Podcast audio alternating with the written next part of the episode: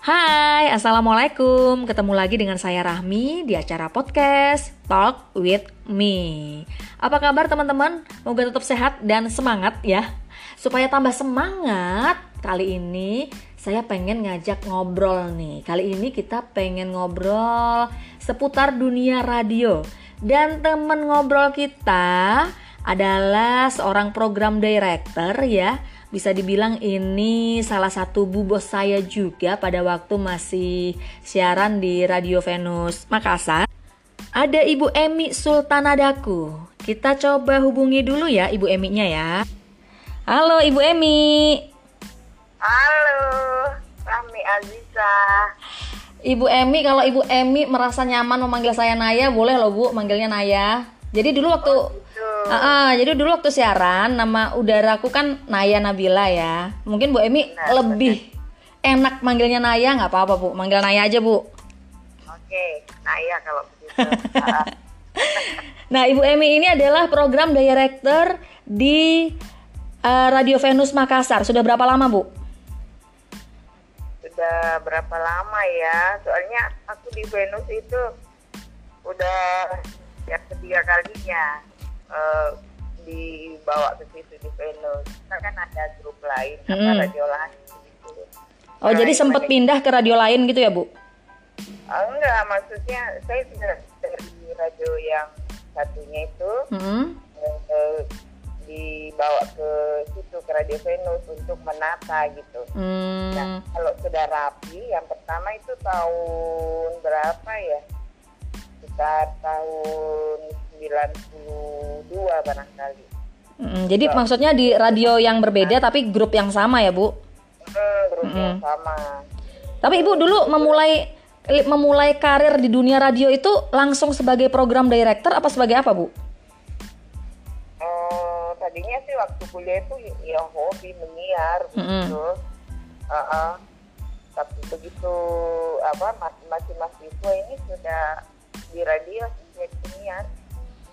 Jadi waktu mahasiswa sudah mulai siaran-siaran radio ya Bu? Ah, eh, Radio pertama radio apa Bu?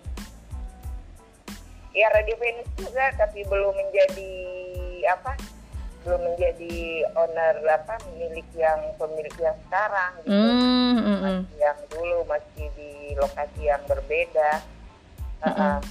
terus kemudian eh, saya keluar dari situ karena KKN Mm, mm. ya udah eh, kan sudah keluar tuh. Mm-mm. mantap mantap. Maksudnya karena sudah ada nih. Kok tuh selesai kan selesai kuliah. Aku masuk di salah satu radio yang besar juga di Makassar ini. Mm, mm. radio kata gitu. Saya mendaftar kebetulan ada rekrutmen. Aku di situ memang bukan dijadikan sebagai penyiar gitu. Hmm, program director dulu namanya itu kepala studio hmm. Jadi tugasnya apa itu Bu? Program director? Uh, jadi selain uh, mengcreate program, Mm, mm. terus uh, ini mengorganize kru Mm, mm. gitu. Kalau misalnya ada yang tidak masuk atau menyusun ini penyiar ini cocoknya di program seperti ini karena mereka kan harus ditempatkan di tempat yang nyaman gitu. Mm-mm. Nggak bisa juga. Meskipun di rekrutmennya itu mereka harus eh, menyiar semua gitu kan. All all program. Tapi kan da- eh, sebagai seorang program director harus mereka oh ini cocoknya di sini di sini gitu. Jadi itu mengorganisasi mereka kemudian monitoring eh, eh, mereka terus mengevaluasi ya kita bikin lah sebuah program gitu Hmm. Program. Berarti total Ibu jadi program director itu udah berapa puluh tahun tuh Bu? tahun sekitar 89 deh Mulai dari 89 ya iya sampai sekarang. Berarti itu udah berapa puluh tahun tuh Bu? 2000 udah ya udah 30 tahun ya Bu? Heeh, 31 tahun Cuma Gimana Bu? Kesan-kesan selama jadi program director? Suka dukanya? ya suka dukanya ya bagaimana ya uh, jadi kita di di stretching dari atas kemudian Mhm. dari bawah juga ya kadang-kadang makanya eh, apa kalau misalnya nggak didengar atau mereka ada yang ini tapi nyaman juga sih kalau misalnya ada yang kita bikin Mm, mm, mm, mm. sebuah program terus meledak atau apa begitu. Terus buat banyak yang apa? suka gitu ya, sebuah kebanggaan ya Bu ya. Hmm, iya sebuah kebanggaan. Terus eh, kalau penyiarnya jadi, Mm, misalnya eh, yang kita rekrutmen kan kalau program director dia juga eh, merangkap kalau di radio itu menjadi HRD juga mm, harus melihat juga oh ini apa ya em, mulai dari rekrutmen kan kita sudah lihat oh ini ini suaranya ini nih mm, mm. kita punya kepekaan juga seperti itu tadi Hmm. selain kita seperti itu Nah ini menarik nih Bu. Aku jadi Ah, penasaran. Ah, Dulu, jadi kan Hah? bangga kan kalau misalnya oh eh, ini dulu saya punya ini jadi misalnya ketua KPID Mm-mm. jadi handal jadi apa begitu kan ada juga tuh yang kerja di mana-mana Hmm, jadi sebuah kebanggaan ya Bu, yang dulu dididik, dibina gitu ya Bu.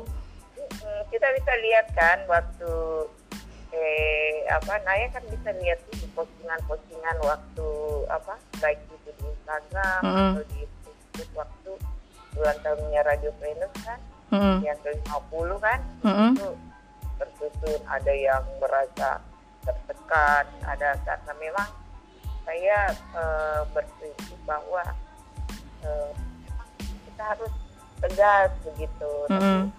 Nah, mungkin pada awal-awal jamnya ini orang tapi Masa sih tapi enggak sih. Aku nggak merasa ibu sekejam itu. kayak pelatih yang begitu. eh Bu, tapi aku jadi ini loh Bu, apa namanya? tertarik. Kan ibu bilang tadi ibu juga sebagai berfungsi sebagai HRD yang menentukan eh, orang ini cocok apa enggak di radio ini. Terus cocoknya di eh, acara apa gitu kan program apa. Ya. nah dulu waktu aku melamar ke Venus gimana? Eh, kesan ibu pertama kali? Iya karena kamu punya suara itu nggak smiling voice sebenarnya. Nggak smiling voice ya bu? Kayak galak gitu ya bu? Nah, eh, iya kamu bulat suaranya Heeh. bagus eh, apa sih namanya timbernya apa ya istilahnya kalau ini tribalnya bassnya itu seimbang gitu. Eh, cuma yang tantangannya itu agak medok gitu. Hmm, ya supaya bisa lebih luwes lebih apa lebih standar lah begitu. Tapi akhirnya bisa cuma itu smiling voice-nya nggak bisa jadi akhirnya sih sampai sekarang pun aku nggak smiling voice bu. Coba ibu merasa rasakan suaraku. Apakah masih terdengar kejam?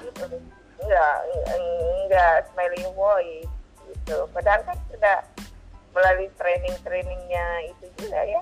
Nah, ah, ya. Berarti jangan-jangan itu adalah pembawaan karena memang susah untuk tersenyum gitu ya bu ya? Memang cocoknya sih di acara news kan Hmm. Naya saat kan ditempatkannya di yang yang lebih tegas gitu ya kudu yang suara yang lebih tegas. Kalau yang santai-santai remaja gitu nggak cocok ini lari semua pendengarnya ya bu? Lari pendengar lain kalau misalnya kayak Rasel gitu harus apa banget gitu. Mau sayang gitu. Jadi, Mm-mm. jadi itu kan nggak nggak bisa dibikin-bikin. Tapi Mm-mm. diusahakan jadi smiling voice karena kita kan eh, hanya suara gitu yang didengar. Mm-mm. Emang susah sih ya. Tapi dulu kayak main. Mas Eko Junior waktu kita pelatihan itu dia bisa dengan mimik muka tidak tersenyum tapi suaranya tersenyum gitu loh. Hmm, ya itu. Nah itu tanpa mengeluarkan suara gitu. Uh-uh. ini kita udah aku udah tersenyum tetap aja suaranya kagak tersenyum ya bu ya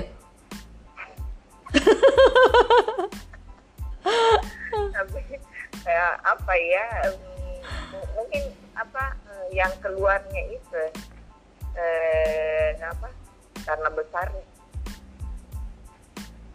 gimana bu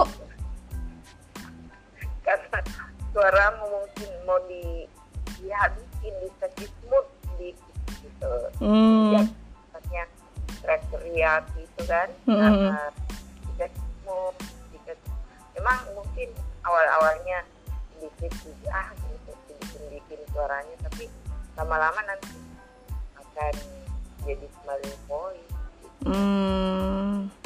Ya ya ya ya ya.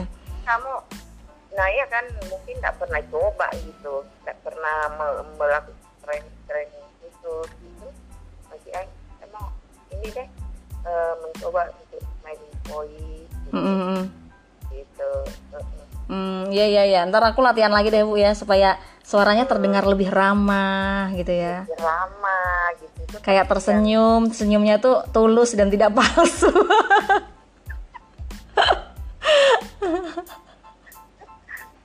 mungkin memang secara agak susah ya karena apalagi sekarang kan udah punya ini anak sama anak kan biasanya kita akan lebih tegas Mm, mm, sedikit bandel Jadi semakin galak malah ya bu ya. Suaranya jadi tidak bisa semakin Galak. melunak.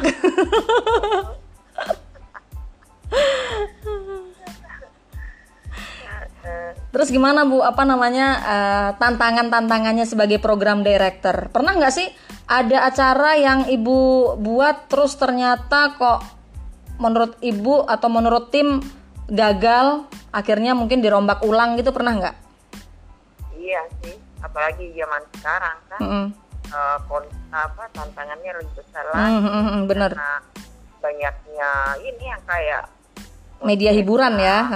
Iya, pada inilah jadi i- kontennya harus di ini diperbanyak kayak gimmick-gimmicknya gitu. Hmm. Jadi kalau ada acara ya monoton, monoton misalnya cuma request lagu aja gitu kan, mm-mm. nah orang kan bosan.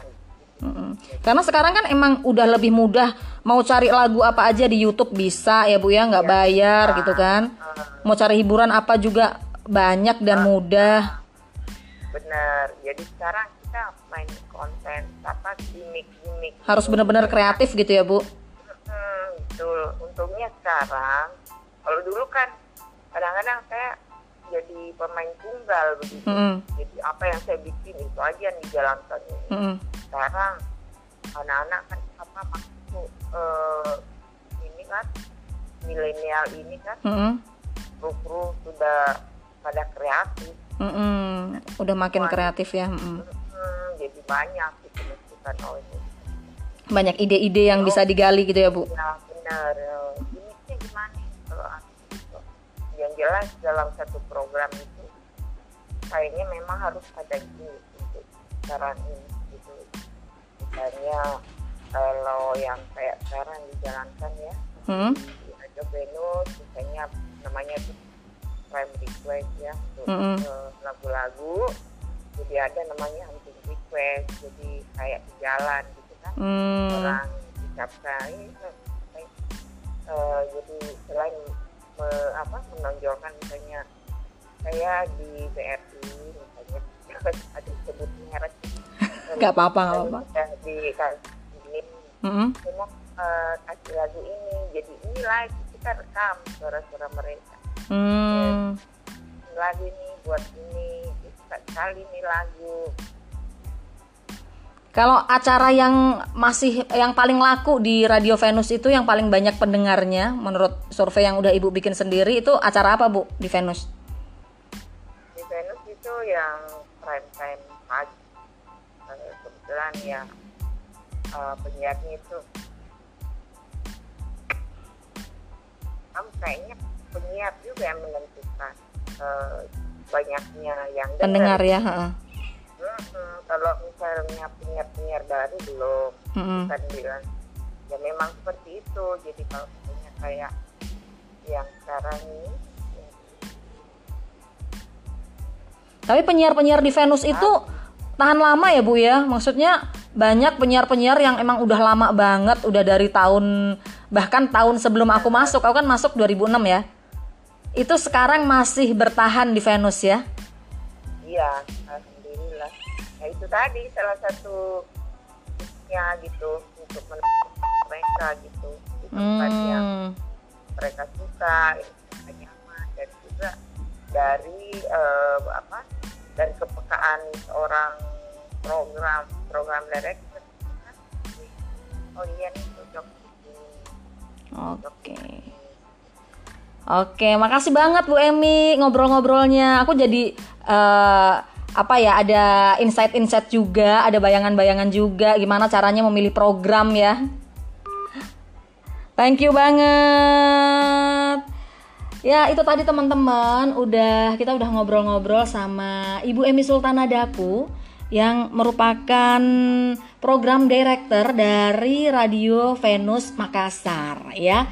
Mudah-mudahan obrolan tadi bisa memberikan inspirasi ya bagi kita para konten kreator ya mau bikin-bikin acara. Sekarang kan orang pada punya podcast sendiri, punya YouTube sendiri gitu. Gimana sih membuat uh, mengcreate acara yang menarik gitu. Oke, kalau gitu sekarang ngobrolnya kita sudahi dulu ya. Sudah cukup lama, sekitar 15 menit kita ngobrol di sini. Saya Rahmi Aziza pamit. Let's talk with me di next episode. Dadah.